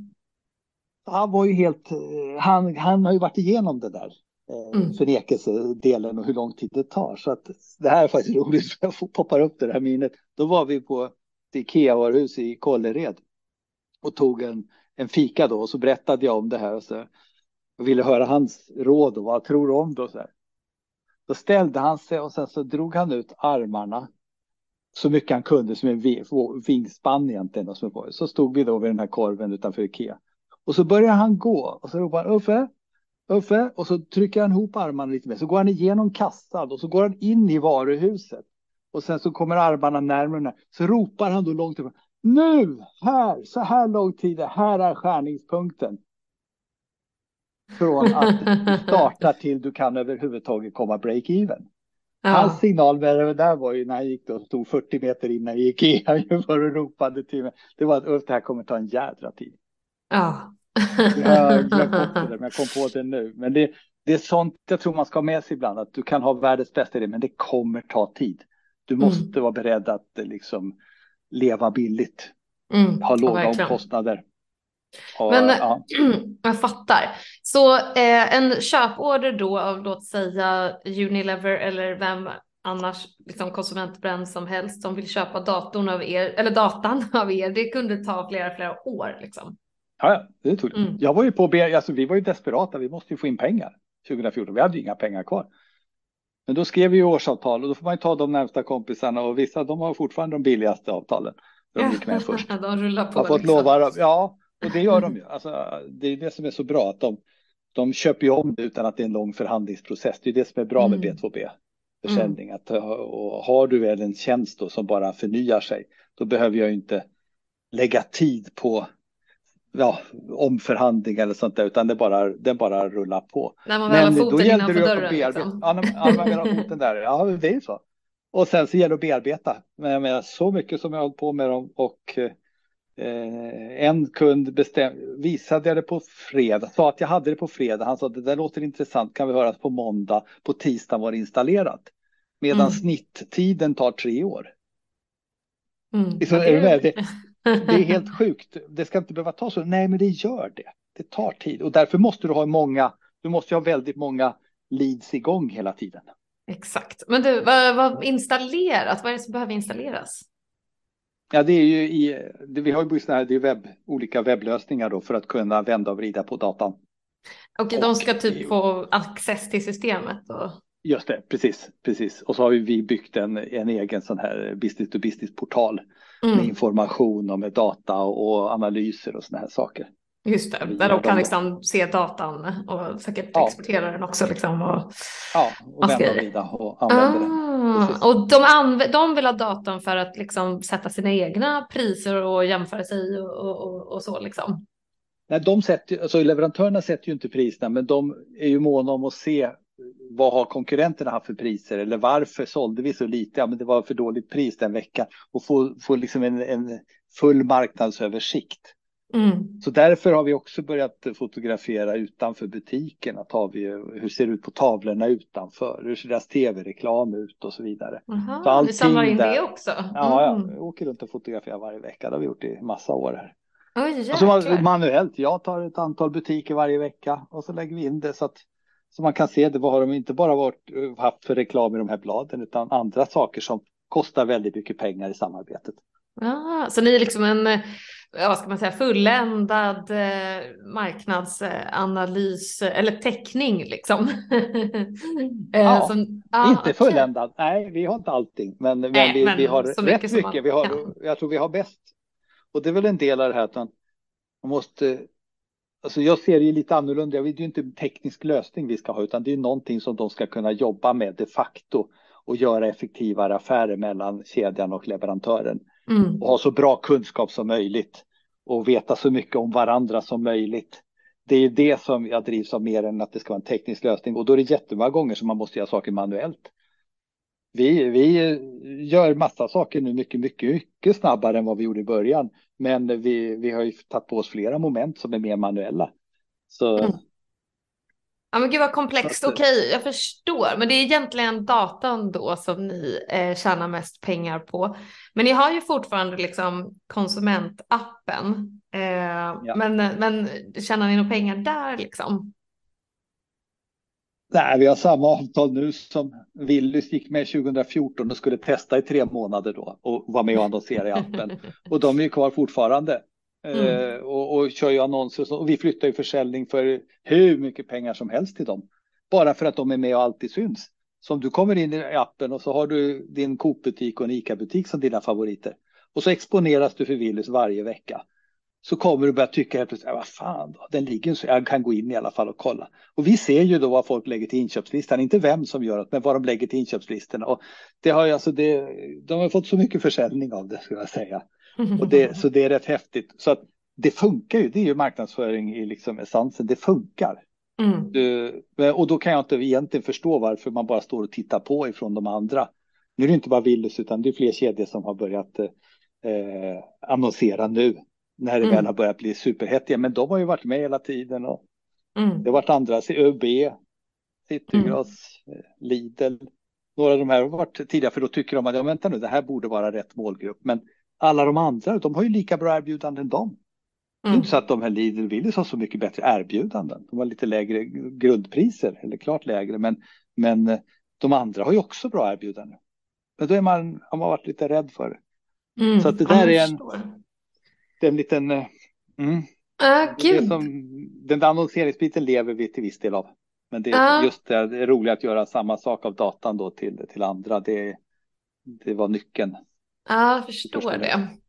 Ja men gud vad coolt. Eh, och eh, en, en fråga jag förstår att du inte är liksom techperson sådär. Eh, men eh, det, vill du berätta det du vet om hur er liksom, techprodukt är eh, byggd och, och, varför ni byggde den på det sättet och så liksom. Och, ni har ju både webb ja. och, och, app och, och lite sådär. Och webben ändrade vi här i, i höstas. I höstas nu så bytte vi databot. Alltså vi gör ju mer, vi, vi har ju även, och det är därför vi får så medialt intresse nu. Det, appen är ett sätt att spara pengar, men sen har vi ju, i och med att vi har daglig prissättning i butikerna, ordinarie priser också. Mm. Det har vi hållit på med sedan sen 2015. När det stod en skylt där det stod att eh, på tunnelbanan där det stod att vi har de låga, vi har lägsta priserna på nätet. Och då tänkte jag att nej, vänta nu, det kan inte stämma på den kedjan. Och eh, sen stod jämför gärna våra låga nätpriser och då började vi. Då tog jag kontakt med några faktiskt på, på KTH som har startat ett eget konsultbolag. Mm. Och sen så fick de att börja eh, jobba med oss. Och sen mm. dess har vi plöjt, men sen så hoppade de av efter ett år för då körde de vidare med Instabox. Ah, vad roligt. Ja, samma, samma gäng, fantastiskt duktiga killar. Och, men jag förstod inte då varför de ville satsa på det istället, men det förstod jag sen istället för matriskollen. Så att eh, ah. det körde de då och, eh, och då fick jag, då hoppade vi till Göteborg till Chalmers eh, gäng som också startat sitt konsultföretag där. Och sen har de varit med och utvecklat. Vi var deras första kund idag, de är över hundra anställda. Och de är mm. fortfarande våran, eh, våran där, konsultlänk där. Och Men de samlar hade... in priser på nätet, eller? Ja, precis. Mm. Och i butiker. Så vi är ute och skriver av priser i butiker också. Mm. köper in sådana tjänster för att ha koll på egentligen veta vad, vad kostar en Coca-Cola-burk. Var den än säljs vill vi ha mm. koll på det. Mm. Så därför vi har, ju, vi har ju mycket prisinformation som vi ju då har eh, till, eh, ja, för att följa branschen framför allt. Den är, mm. den är rätt så värdefull. Ja, oh, gud ja. Så, så, det höll vi på med också. Men sen så hade du då någon fråga om det här eh, hur appen började. Det första var ju en, en iPhone-app, för det var det som var hetast. Och sen så gjorde vi en klon till Android bara. Baserad på en, en iPhone-designen. Eh, blev aldrig jättebra. Sen 2000, det var 2012, 2013 gjorde vi om den. Och, och eh, då också i parallellappar. Eh, design, alltså utan React, utan två helt native appar. Mm. Och eh, då fick då, då hade vi problem med Androiden för att då, då fick vi en kille då, han, de som nu är konsulter, han skickade in och så säger han, det här ska man ta med sig som it-expert eller programmerare, att han var inte, han tyckte våran eh, Android-app sög. Så då så säger, skickar, skickar och säger att den här, jag tycker den här appen suger. Jag gillar grundidén men den här är, den här är inte bra. Så jag har gjort en jag har gjort en ny. Och så hade han satt och programmerat en ny som var mycket bättre i, i många delar. Men han hade ju inte kopplingar till databas och så. Men sen när man då sa att vi har inte råd att göra om det, vi har inga pengar kvar här. Men, men eh, sen när man då tänker, okej, okay, när vi nu ska ha tag i några då, då var det ju de som jag ringde, eller till honom som jag ringde, då hade han precis ihop med ett par killar och startat det här nya bolaget som ah. nu fortfarande är våra, våra IT-konsulter. Men han gjorde det där lilla extra istället för bara skicka någonting. Eller jag kan också programmera. Men han visade det ju de facto. Mm. Ja, och att han brydde sig om det. Mm. Alltså det, det är den nivån, då får man ju kunder också. Då, ja. Men det kostar alltid, du måste alltid lägga ner mer energi än man tror. Och mer mm. energi än någon annan gör. Mm, så, verkligen. Då, du, det gjorde ju intryck på dig liksom direkt. Ja, det gjorde det. Och då, han fanns ju där så ett år senare. Mm. Så jag men okej, kom in och hjälp oss då. Så fick de börja hjälpa oss. Men nu då så gjorde vi helt nya app-plattform förra året i Flutter. Ah. Eh, och, alltså Google, eh, Googles mm. plattform. Och då är ju den så gjord som ungefär som React och sånt. Att du alltså kan splitta den så att du programmerar på en och så, så kan du ju lätt få ut den både till Android och till, till iPhone. Mm. Och, eh, så det är det som vi har den i där nu. Och sen så har vi helt eh, ny databas, vi har helt nya servrar, allting. Nu har jag hållit på i mm. två och ett halvt år och, och gjort det här bytet. För vi har väldigt mycket data, vi har väldigt mycket, hade en extremt komplex struktur som vi har försökt reda ut. Men det... Har ni, använder ni molnet för er data? Nej. Egna servrar? ja, vi har egna servrar oh, på Gresis som de heter som ligger i Falkenberg. Ah. Så de var med oss från början, men de, de, är, de är stora, men de har ju, så där har vi faktiskt fysiska servrar. Okay. Ja, det är sådana otroliga mängder data kan jag tänka mig. ja, jag, jag, vet inte, det, jag vet inte om det är, alltså man kan ju ha molntjänster av dem hos dem också, men, men vi valde den här lösningen där mm. för ett par år sedan och eh, ja, Funkar bra. Inte, ska man flytta kanske så är mål, ja, det, ja, det funkar ju bra som det nu. Det, molnet är ju definitivt en vanlig lösning. Men jag trodde ju då, i och med att jag är inte IT-kunnig, jag trodde ju att har man det bara på molnet så det löser sig det mesta.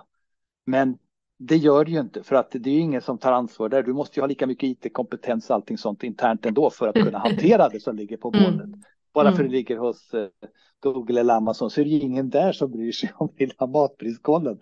Så då kände jag det att nej, men det är bra att ha närheten också då. Eh, en kilometer bort så finns det här, det här gänget, eller det, här, det är ett stort företag nu, men att där finns liksom superkompetens på det. Mm. För det är kritiskt och vi har ju peppar peppar, alltså vi har ju inte legat nere mycket alls överhuvudtaget. Mm. Och Coolt. Det har alltid funkat. Så mm. det på så sätt så, så det är väl plattformarna. Ja, jag förstår. Webben har vi bara gjort en liten eh, superenkel klon nu för att eh, de som skulle vilja se det på webben, men där hänvisar vi bara till appen. Ja, just det. Och den här B2B-plattformen där de kan logga in, liksom. vill du berätta lite hur ni har tänkt och byggt den? För den, den känns ju som lite hjärtat i, i matpriskollen i så fall. Ja, och den, eh, den har vi kvar i en... Och den är ju webb, webb liksom. CMS, Ja, det är ett CMS-verktyg som är POP-programmerat en gång i tiden. Ah. Och eh, den är, ja, det är då, de här, han, Robban, min första på Cityweb, det är deras eh, upplägg av den. Och det, det tickar och går. Den är stabil, den är inte den mest fancy, men den, den gör sitt jobb. Ja, Som användare så liksom. hittar man sina grejer och eh, de blir vanedjur och vi lägger ut nyheter. Det är rätt, det är rätt lättklickat, det är rätt lätt att eh, lägga upp nya saker på den. Det är ett, det är ett CMS-verktyg i grunden och sen som har då mycket vissa kopplingar till underverktyg som till Tableau och till ibland till Excel och ibland till några andra. Här mm, Amazon. Ja, där har vi lite på nät, måne förresten. Vi har lite på Amazon också. Okej, okay, ja, men lite integrationer ja. med. Mm. Ja. ja. men jag fattar. Ja, men vad coolt. Um, men liksom, ni, ni fortsätter att digitalisera manuellt eh, alla priser, eller? De, de laddar ja. inte upp egna filer liksom som ni får? Nej, alltså fortfarande är det ingen som ger oss de här sakerna digitalt. Nej. Eller filer. Det, är det skulle man ju vilja ha. Efter 12, ja, ja, precis, det skulle man vilja ha. Men det, vi får det fortfarande inte av någon, utan Nej. vi får pdf-erna i förväg. Eh, men sen så sen är vi ju snabba att kolla också. Alltså, har de inte det på nät, har de inte en pdf eller så, så kollar vi ju på, på nätet också och tittar vad kan vi hämta informationen på annat sätt. Eh, vi har blivit rätt eh, duktiga på, på, att hitta alla varianter, för det behövs alla varianter. Så ja. vi, vi, vi, ja, vi, vi löser saker idag som vi inte var i närheten av för. Det är sjukt mycket effektivare. Mm, jag förstår. Men ni måste, ni måste liksom skanna kontinuerligt eh, hela tiden den här eh, pris... Ja. Eh, ja. ja, jäklar vilket maskineri alltså. Ja, så det är rätt. Eh, nej, vi är, när folk kommer in så undrar de hur, att, att vi inte är flera, hur så många kan göra så mycket. Men det beror ja. just på att ingen bara gör en sak, utan man håller på med olika grejer. Ja, eh, jag, jag, får ta bilder utanför Maxi varje vecka hur det ser ut med deras tavlor. Ja, det gör jag åt ett par butiker till. Det, det är mitt. Ja, det måste jag göra och sen måste jag sälja och så måste jag eh, eller vill jag vara med i lite apputveckling och så vill jag vara med i de andra delarna och sånt och sen så ska man ha presentationer och lite så. Och det, det är mitt jobb och någon annan håller på att ha huvuduppgiften att bara mata in men sen ska den dessutom göra andra saker också. Ja. Så alla eh, beroende på när på veckan det är och sånt där så vi har ett väldigt schema. Gud, det kan jag verkligen tänka mig. Har ni några liksom, konkurrenter eller vilka ser ni är era främsta konkurrenter? Det är nog. Eh, eh det är nog kedjorna i sig. Så våra kunder. Alltså ICA-appen liksom. Ja, ja. Mm, alltså de har mm. sådana resurser och kan lägga in så otroligt mycket pengar i att göra det där bra. Det enda är ju det att jag som konsument kanske inte är nöjd med det. Jag får en app där, men någonstans skaver det att jag blir att jag blir så intvingad i ett system hos en. Ja, men exakt. Eller hur? Så att, och då måste man ju förstå det. Nej, du får inte de bästa, det bästa upplägget för att du bara är ihop med en här. Det är bättre att vara multilojal. Så exakt. att, att eh, eh, det, det, är väl det som är Ja, men det är klart, de, de försöker ju vara en på sitt håll. Alltså Willys, alla de gör jätte, alltså, fantastiska bra tekniska lösningar för att jag ska bli låst vid dem. Mm. Men vi hoppas ju att konsumenter fortfarande förstår värdet av att vara multilojal. Exakt, och det, kommer, bara... alltså det blir väl mer och mer viktigt nu med sådana här priser och inflation och allt vad som försiggår. Ja, Lågkonjunktur. Precis, precis. Um... Man, måste, man måste titta runt och göra det på ett, på ett lite strukturerat sätt för att uh, allt det bästa finns inte bara hos en. Det gör inte det. Nej, Nej men exakt. Um, och, men vad gör ni för reklam idag liksom för ert uh, företag? Eh, håller ni på med någonting med någon digital typ av marknadsföring? Nej, det behövs inte tänkte jag säga. Nej, vi, faktiskt, vi får så sjukt mycket exponering under året som har gått. Ah. Så det är, ja, jag tror inte att. Uh, vi behöver inte det. Nej, vi får ju, det genererar ju nedladdningar i appen. Mm. Och eh, det är klart, kan du få gratis media på det sättet, det tar ju min tid. Och eh, eh, vi får ju jobba rätt. Man får jobba fram eh, information och data och sånt där extra. Men eh, vi har ju fått, alltså, ja, jag får ju vara med i de flesta medierna löpande, mm. både i tv och Aktuellt och TV4 och i radio och P4 och P1. Och de kommer att kontakta dig liksom? Ja, varje dag. Ja, jäklar vad kul. Ni har ju blivit experter liksom i, i branschen såklart. Ja, på något sätt har, vi, har det funnits en tom plats där tydligen och det är den som vi har, har fått då eh, på oss faktiskt. Så de frågar ju oss, i och med att vi har koll på alla och vi står oberoende utanför och kan titta in i det. Mm. Så, och vi har både priser och kampanjer och sånt. Så att jag tror att de, de eh, ser ett värde i det. Men det tar ju mycket, det tar tid, men det ger ju, det har ju gett mycket fler användare, mycket, mycket Mm. fler. Ja, gud, det kan jag verkligen tänka mig. Eh, men vad har du, alltså, du, du sa ju det att det är otroligt långa ledtider och svårt att liksom sälja till de här eh, butikerna. Men, eh, men om du har något tips, om någon liksom försöker bygga en, en produkt för att sälja in till ICA Maxi eller vilka det kan vara, liksom. vad har du för tips för att nå fram till dem? Eh, och när du säger ICA Maxi, är det då ICA Maxi på eh, Lindhagen Ja, här i. Stockholm? Ja, Nej, då får man ju ta fram den och sen så försöka boka en tid med, med handlaren eller butikschefen och sen så gå upp och presentera det man har. Och det ska jag väl lugnt säga att de är handlarna. De eh, handlare generellt i Sverige är ju väldigt långt fram. På Willys Mm. kan du inte göra så för att det är ju centralstyrt. Men på ICA och ICA-handlare, de kan du nog relativt enkelt få en träff med. Det tror Mm. jag. Om du har någonting som är spännande och snabbt kan förklara för dem varför det här eh, är eller kommer bli viktigt för dem. Mm. Att det här, det här är någon sak nu som kommer kunna påverka deras kunder eller, eller hans möjligheter att tjäna eller förlora pengar. Då tror jag att då tar de ett möte och sen så då vill de eh, gärna klämma, känna eller förstå ganska tydligt vad det är för någonting. Mm. Och eh, därifrån sen till att de skulle vara villiga att hoppa på och göra en test. Det behöver inte vara så galet långt steg. Nej. Men de har ju samtidigt, de sitter ju i mycket system. De sitter ju fast, alltså dagligvaruhandeln det är ju egentligen bara Lidl plus tre stycken till som äger allt vad gäller systemen.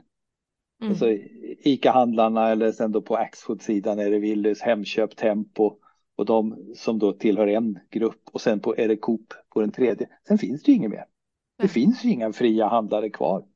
I princip. De kan vara fria men sen sitter ju de då i egna system så kommer du med för stora systemlösningar att du ska jag vill att det här kan göra, implementerar vi det här nya i kassasystemet där, så- då, då tror jag att de direkt känner bara nej jag orkar inte. Nej. Det är, liksom, det, det, det är en för stor grej. Vi ska inte ge oss in i röra i det som, röra i det som tickar och går. Jag tror det, det är en liten sån. Mm. Man vill, men däremot det som är mot konsumenter och som kan förbättra deras position på den lokala marknaden. Det är de, eh, det är de rätt intresserade av. Helt klart. Mm. Så man måste, men man måste ju göra i ordning då någon presentation. Har man en färdig, och i, alltså i appar och sånt där idag så kan man ju göra eh, smarta med Figma och sånt där, göra smarta lösningar så det ser är klickbart och allting sånt. Mm. Så man får, Ja, och, och då be om, verkligen be om deras råd och tips. Och många av dem är, är, är ärliga. Mm. Mm. Eh, Ja, men de är ju företagare liksom. De är ju väldigt... Ja. eh, Men de kommer aldrig säga sanningen fullt ut ändå riktigt. Utan de flesta är, och det vet jag alla investerare, alla har alltid sagt ja. Ja men det här är intressant. Ja, men det är intressant. Och sen frågade jag henne, och sa, men vad fan ni säger alltid ja. Vad- Ja varför skulle vi inte göra det? Vad vinner vi på att säga att det här är inte intressant? Mm. Istället för att säga ja men det är intressant och du fortsätter skicka information till oss. I något läge framöver kanske det blir intressant någon gång. Vi kommer aldrig göra affär nu, men varför skulle vi säga det? Mm. Ja, men det är bara att förlägga plågan för mig. Ja, så är det. Exakt, de vill inte man- sätta upp den här nej tack på brevlådan. Liksom. Nej, de gör inte. Och det, det, är en viktig, det är en viktig lärdom att ha med sig när man är inne i den här. Så jag har ju träffat så otroligt mycket då, investerare. Mm. Och då kunde jag ändå branschen, eh, ha kontakterna i den, tycka att man har en bra produkt, man har konsumentrespons och så vidare. Och varför vill de inte satsa pengar i och så vidare. Men ingen sa nej. Men ingen satsar pengar. ja, det där är sant alltså. Man vill ju Men ha ett nej så inget- att man vet att det inte Ja, då kan jag kanske. fokusera, ja, då vet jag, kan jag fokusera Börja på de andra. Ja, Ja. Nej, nu åker man hem och så säger man, ja, men de sa, ja men kanske att det kan bli något ändå. Ja, sa de nej? Nej, nej, är för fan. De sa att ja, de vill fortsätta diskussionen och sånt. Nej. Och, och, men, men i och med att de då säger sen att nej, men varför skulle vi inte vilja få, vi, bara, varför skulle vi ge det ett nej nu? Ja, men då tappar ju vi information och sånt där. Vi kommer aldrig handla det, men varför skulle vi säga det? Gud vad taskigt. man, ja, jag vet det. Man har men hoppet kan- uppe då liksom. Exakt, precis, precis. Fy. Ja, jag känner Ja. igen det där också. Eh, gud, hemskt. Men sant. Ja. Men du, shit, gud vad jag, jag har verkligen snott hur mycket tid som helst från dig här. Men vi börjar runda av lite grann smått här. Mm. Eh, men är det några så här kriser, misstag, lärdomar, eh, någonting åt det hållet som du skulle vilja dela med dig av till alla oss andra? Nu, du har redan gjort, delat med dig jättemycket, men eh, om det finns någonting mer eh, till oss som också vill försöka liksom bli entreprenörer och bygga våra egna företag och produkter och liksom komma ut här i världen på egna ben. har du något tips till oss? Ja, men det är en massa till, men de är så här kanske basala. Men en sak är ju det att ja, man kan mejla, men ibland är det faktiskt bra att prata med folk också. Mm. Och att vårda sitt nätverk och inse det att eh, jag kan ha världens bästa idé, men den kommer aldrig flyga för att jag har inte nätverket. Och mm. det nätverket, det, det byggs upp över tid. Och det, det är ju så att när jag brukar ta min mobiltelefon och så har jag massa kontakter där. Men det enda som är intressant är egentligen att när, jag, när det då kommer upp en kontakt, när jag ser att det är Anna som ringer här, hur tänker jag då? Blir jag så här, åh nej, eller ja, ah, vänta, jag måste svara snabbt, jag lägger undan allt annat för att svara på det. Och var befinner du dig när, jag, när du ringer till någon och den ser att det är du som ringer? Och jag försöker tänka på det, vilket, och det, bygger, det är ju liksom en konsekvens av vilka avtryck man har gjort tidigare i tidigare jobbrelationer eller privata relationer mm. och vad kan det då ha för bäring på vårt samarbete i framtiden? Alltså det här mm. går runt och mingla, jag ska lära mig mingla, jag ska nätverka och sånt där. Men det är, I min värld är det mesta är ju helt bara värdelöst. För det är inte så sen när jag frågar om någonting eller vill ha något råd, ja då går jag ju till folk som jag på något sätt känner och har lite mer förtroende av och då, då dyker man upp i mm. mobilen på ett lite annat sätt. Det ger i alla fall, ja vänta den kan något om det där. Alltså när vi var helt nere då efter det att Schibsted hade gått ur och vi hade fått in nya pengar så höll jag på att gå i konken fullt. Då var ju pengarna slut nästa sommar också. Och då sa han upp sig, min IT-kill, IT IT-chef. Och han hade byggt så mycket grejer i Excel så då så var jag, och som vi då hade börjat sälja. Så då säger han upp sig och jag bara, vänta, det här, ja, och han skrev eh, varför. Och då visade jag det för min son och det här var en lördagkväll som det kom, sitter i sommarstugan i juli, mitt i juli. Och så säger jag till, till Micke, Micke läs det här. Och sen googlar han och sen så säger han ingenting på två minuter ungefär. Och så googlar han och säger, eh, det här ska du ha. Och så hade han då tagit fram ett sånt här, eh, ett eh, BI, Business Intelligence system. Mm. Det här ska du ha. Ja, men så det där, det där känner jag en kille som säljer det är Fredrik, min kompis. Så jag ringer upp Fredrik där på kvällen klockan halv elva där på lördag säger att du, det här, det här programvaran här, vad kan jag få tag i den? Har, säljer inte du den? Du sa ju att jag skulle köpa aktier i det där en gång i tiden för att den var så jädra bra. Jo, så jag ska börja sälja den i augusti. Ja, men jag kan inte vänta. Kan inte jag måste ha det här nu. men så det, nej, då får du ringa till, till Linda och sen så, ja, då ringde jag till Linda och då var hon på semester och hon fattade grejen och ställde upp och nästa morgon hade vi ett samtal och sen sa jag kommer tillbaka om en vecka och då sätter vi oss. Så då fick jag åka upp och sen så satte vi oss och så började hon bygga ihop då. Ta den här datan att istället för att ha det i Excel börja göra eh, snygga, snygga grafer och sånt här av det. Och helt ja. plötsligt hade vi klivit upp på en helt annan nivå. Mm. Och det, det var ju en resa, men det är att då har man ju en kontakt som kan hjälpa mig med nästa kontakt och så vidare. Men det bygger på att den första vill och, och förstår liksom, men det här är, det, det, är bara för att han vill hjälpa mig i den rävsaxen jag sitter i. Mm. Och så tänker han, vänta, ja, ring till Linda. Och, och så vart det så. Och sen dess är det, sen dess är vi kunder hos dem och, eh, och det var en jäkla tur att hon var så fantastisk. Och ställde mm. upp där. Men då är man ju kvar som kund hos henne också. Ja men exakt, det, det där är jättebra. För jag, jag håller med om det där med att vårda nätverk. För jag tycker det är många av ens liksom, kontakter som som inte vårdar sitt nätverk utan typ eh, liksom, vad ska man säga, utnyttjar det eller typ så här, de, de, de ger bort det lite för enkelt. De, de liksom ber om saker som gör att jag tappar förtroende för dem eh, och nästa gång de kommer då svarar man ju inte liksom. Eh, så de bränner de, de, de liksom broar.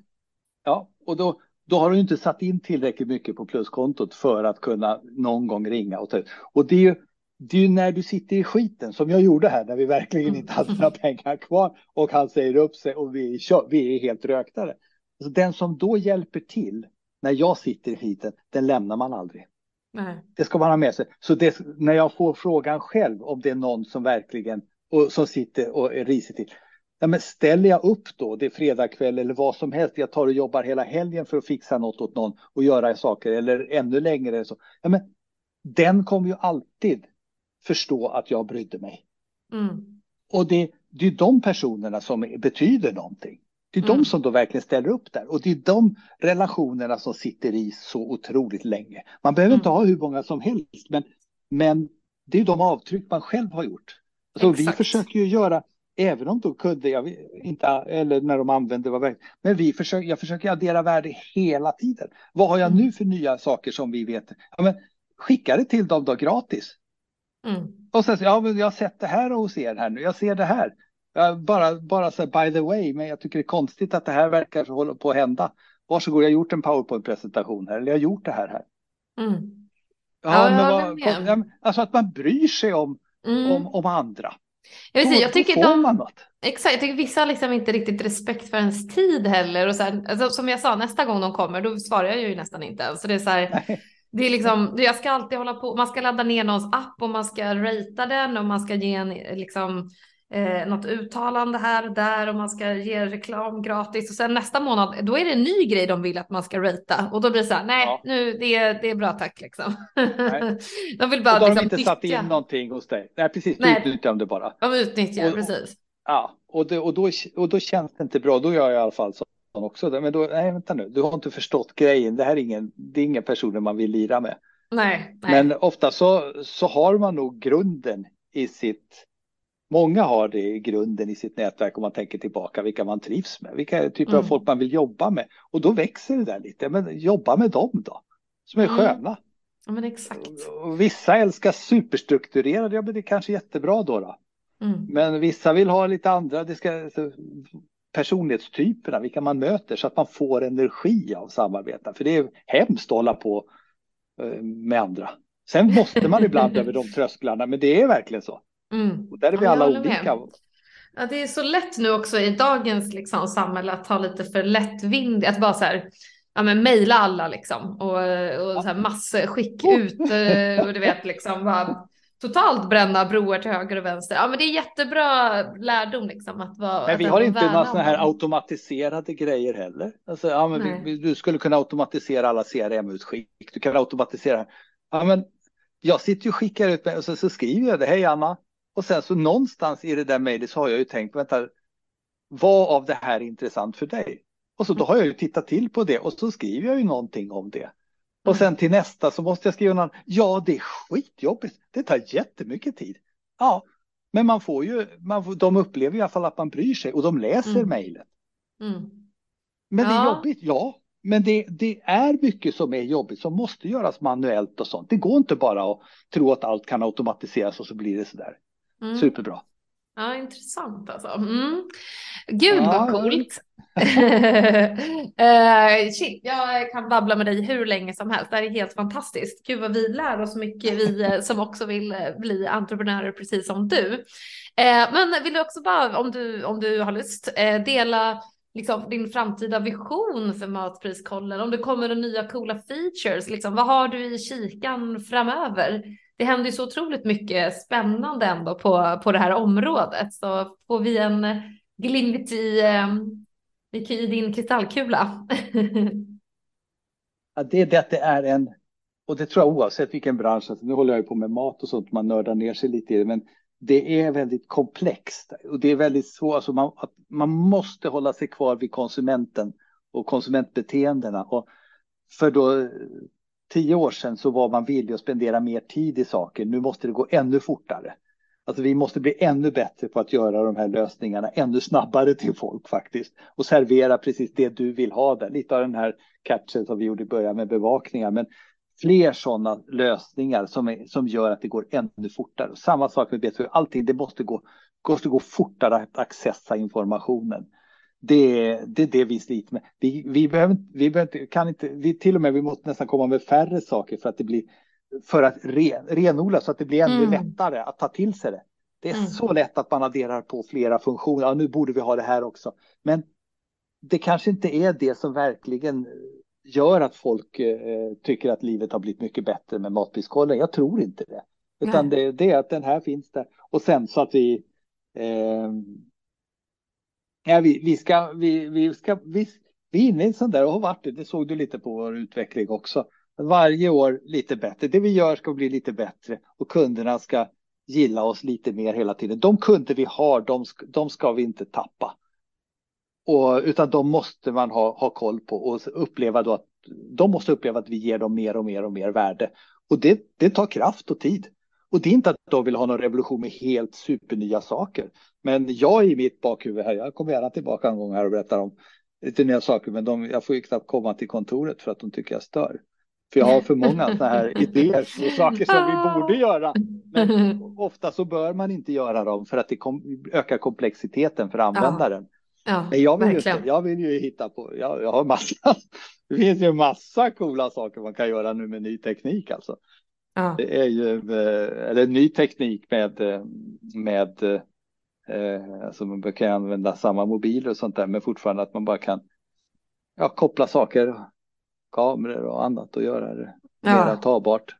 Ja men exakt. Ja men det där är också jättebra. Man får hålla sig lite till sin core-produkt liksom och inte sväva ut för mycket. För som du säger, det blir ju mycket mer komplext i underhåll och det är också komplext att förmedla till kunden liksom. Att vi har alla de här tio olika featuresna, men det är förmodligen en av dem som kommer liksom slå allra högst och vara huvudfunktionaliteten. Eh, mm. Ja, jättebra tips där. Det är så lätt, det är så låga trösklar med att bygga saker inom tech som du vet, så att det, är så här, man, det, det kliar ju i fingrarna liksom. Jag vet, jag vet. Men det är väl det som jag känt också att ja, men vi skulle kunna addera på massa saker, men liksom om folk nu är nöjda och fortsätter använda det och i ganska stor skala, de som hoppar på, de blir, de blir bra användare. Mm. Och vi har, ja, och de ska handla för mycket pengar, så det ska man också ha respekt för. Hur kan man då hjälpa dem? Mm. Lite mer. Men jag tror mycket på det. De har hittat den där grejen, men det gäller att hitta den grejen som är den här catchen som gör att de faktiskt, att vi löser ett behov åt, åt dem. Mm. Och sen då vara med och lyssna. Alltså, vi har en extrem kunddialog.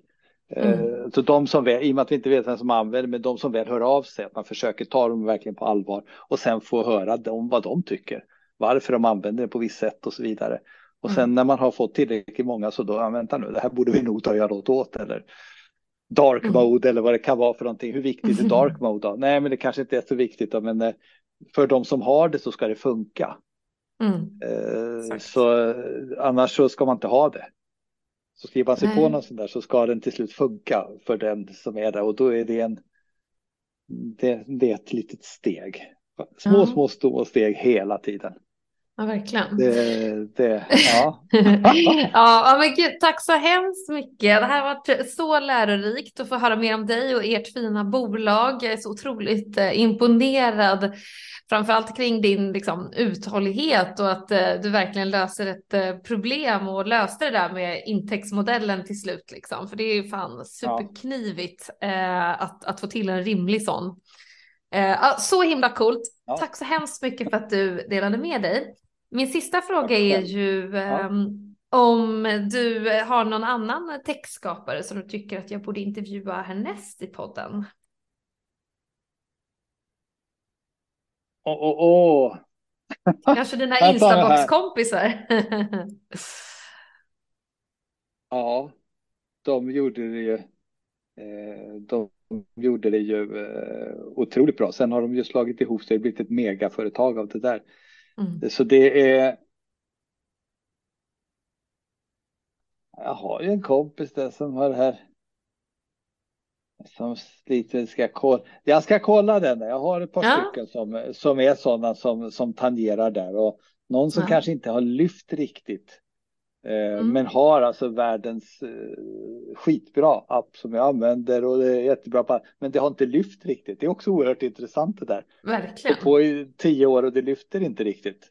Och det kanske bara är så nära för att det ska lyfta. Ja. Eh, kanske någon som kan hjälpa till då vad det är som ska till för att det ska lyfta. Exakt. Eh, men låt, låt mig få tänka till lite där för det finns ju. Super, tack så hemskt mycket för idag och stort lycka till framöver. Tack själv, det var trevligt att få prata med dig. Jättetrevligt. Tack. Ja, hej då. Hej.